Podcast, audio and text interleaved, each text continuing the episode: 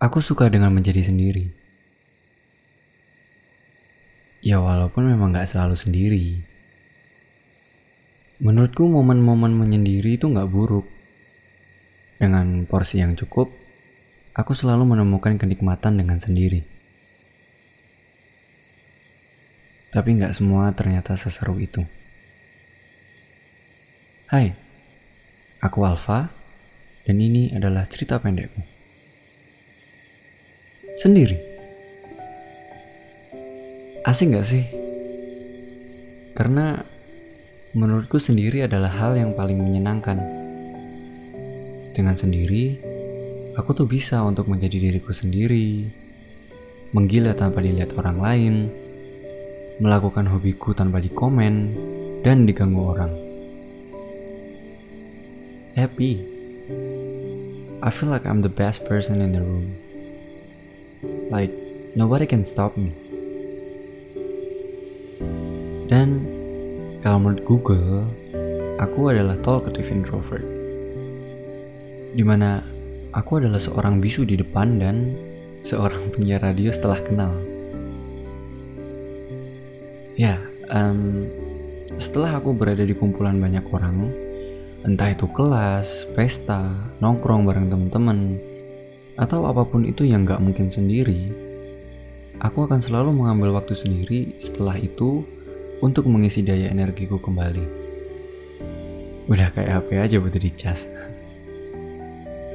ya, sendiri entah itu nonton, main musik, bikin lagu, ngegame, atau bahkan kayak sekarang aku lagi bikin podcast ini seru aja gitu ngelakuin hal-hal yang aku suka sendiri. Ada yang sama nggak? Dan ketika kamu lagi ada masalah, kamu ngerasa kamu lagi nggak mau diganggu, kadang menyendiri itu pilihan yang tepat. Kita juga mau ngelampiasin amarah tuh nggak akan nyakitin siapa-siapa. And yeah, aku sering kali menyendiri ketika aku lagi nggak mood karena menurutku orang lain gak pantas untuk mendapatkan negative vibes dariku. Ya kalau memang aku ada masalah ya gak usahlah dibawa-bawa sampai orang lain kena imbasnya. Entah itu aku cuekin tiba-tiba bete ke orang lain. Atau bahkan sampai ngeluarin kata-kata yang gak enak buat mereka. Dan aku cenderung selalu menghindari hal tersebut. Karena Aku juga gak mau menuai hal-hal buruk yang aku tabur ke orang lain. Dari menyendiri aku juga belajar banyak hal. Aku melatih diriku untuk merasa bahwa aku sendiri supaya aku gak terus-terusan bergantung kepada orang lain. Aku selalu ngerasa bahwa nantinya nggak semua orang bisa membantu kita, apalagi dengan masalah pribadi kita. And that's why aku mau belajar untuk melakukan hal-hal dengan sendiri. Dan mungkin kalian juga ngerasa gitu. Mencari sebuah solusi permasalahan sendiri kadang itu memang membuat kita lebih mandiri. Kita nggak perlu ngerepotin orang lain ngatasin masalah sepele kita. Kita masih bisa ngandelin kita sendiri, berdiri dengan tegak dan kita akan merasa bangga bahwa kita masih bisa melalui gelapnya waktu dengan sendiri. Ya nggak? Aku pun mulai menerapkan hal tersebut dari kecil. Tapi ternyata nggak semua masalah, nggak semua perkara, dan nggak semua solusi bisa dipecahkan dengan sendiri. Ketika kita sudah merasa diri kita kuat dan terus egois untuk melakukan semua hal sendiri, datang masalah baru. Masalah tentang mencari jalan keluar. Ketika kita selalu merasa hebat untuk berdiri sendiri, dan bahkan sampai lupa bahwa kita membutuhkan orang lain, menimbulkan pemikiran bahwa ya udahlah nanti nunggu aja masalahnya selesai. Dan setelah sekian lama menunggu, masalahnya ternyata nggak kelar-kelar dan justru menjadi sebuah beban pikiran. Tapi kita masih percaya bahwa waktu akan membantu. Bukan sekarang untuk saatnya aku membutuhkan orang lain. Aku masih bisa menunggu dan menyelesaikan masalah ini. Lama-kelamaan, masalahnya membatu di hati dan nggak bisa keluar. Dan dengan nggak sadarnya, masalah baru ada lagi. Tambah lagi, dan terus bertambah. Capek. Ya, itu yang selama ini aku rasain. Aku suka menyendiri dan selama ini aku selalu punya pikiran bahwa semua harus aku selesaikan sendiri. Aku selalu berpikir bahwa aku nggak perlu bantuan siapa-siapa, karena aku percaya akan diriku sendiri. Lama-kelamaan, bukan percaya diri yang aku rasain, tapi tuntutan. Ya, aku menuntut diriku untuk terus dan harus bisa menyelesaikan masalah apa pun sendiri bahwa aku gak perlu orang lain. Aku gak mau cerita dan aku ngerasa gak butuh feedback mereka. Sampai di suatu saat, aku jatuh. Aku mulai merasa kehilangan diriku sendiri. Aku mulai menjauh dari siapa pun dan gak mau dibantu. Sama sekali. Beberapa waktu aku lalui sendiri. Berperang dengan diri sendiri. Membenci diriku sendiri. Dan bahkan menuntut diriku lebih lagi untuk menganggap masalah ini sepele. Dan aku akan menyelesaikan masalah itu seiring berjalannya waktu. Aku capek. Capek banget. Sampai-sampai males mau ngapa-ngapain.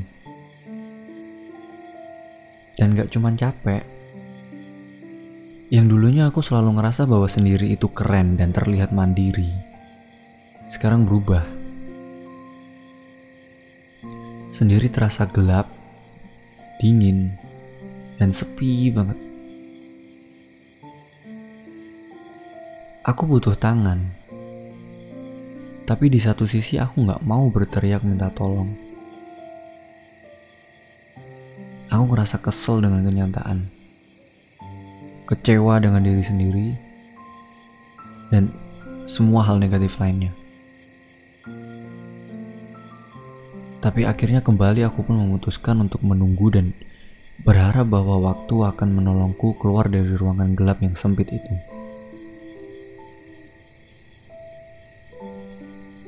Dari waktu ke waktu, aku terus menunggu. Dan ternyata aku mulai perlahan hilang. Perlahan aku kehilangan diriku sendiri. Di titik-titik tertentu, badanku ada di sana. Tapi jiwaku nggak pernah ada di sana. He's got the brain but he got no soul. Dan hilang, dan makin hilang. Tapi di momen-momen terakhir sebelum aku kehilangan diriku sendiri,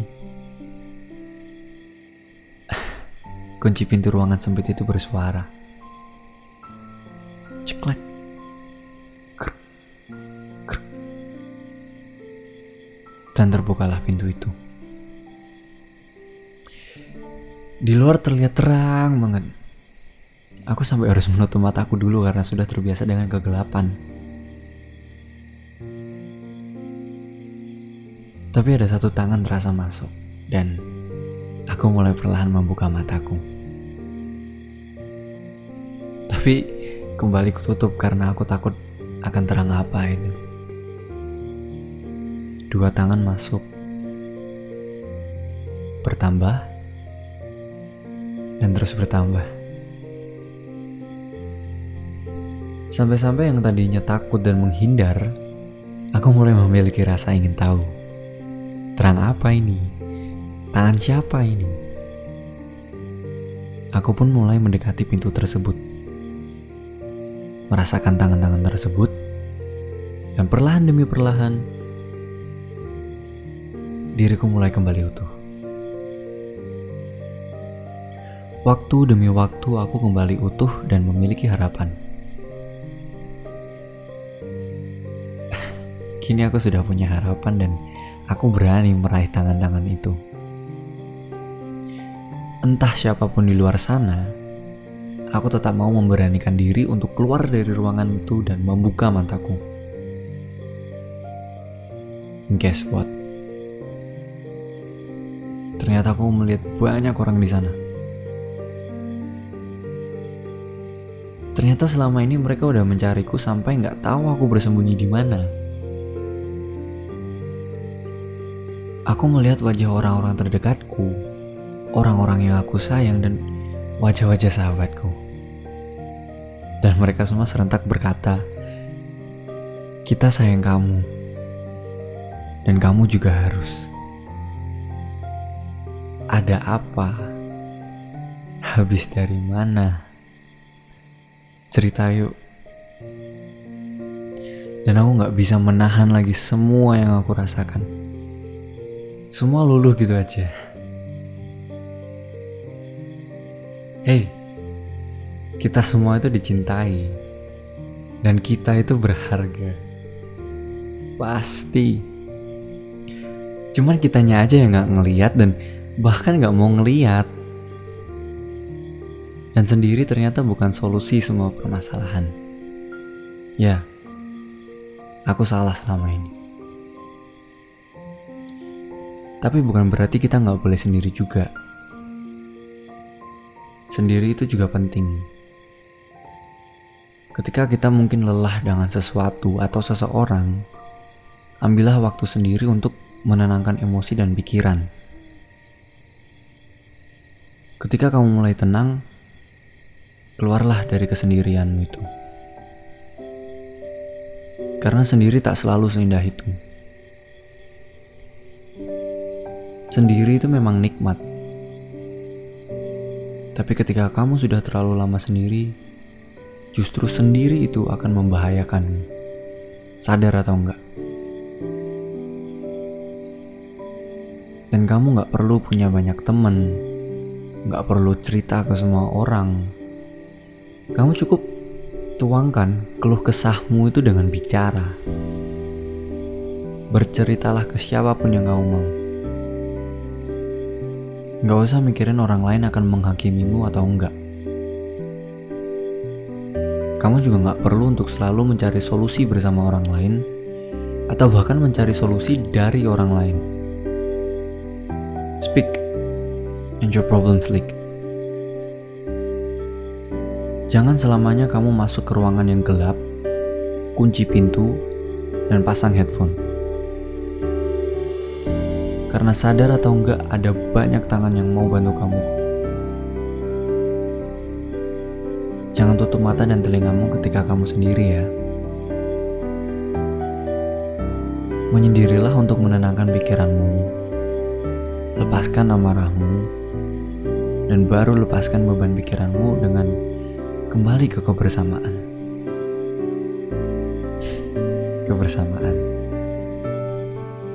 Menurut kalian apa sih kebersamaan itu? Aku Alfa. Aku gak mau selalu sendiri. Dan aku gak mau kalian juga merasa sendiri. Yuk, mulai perlahan keluar dari ruangan sempit kita.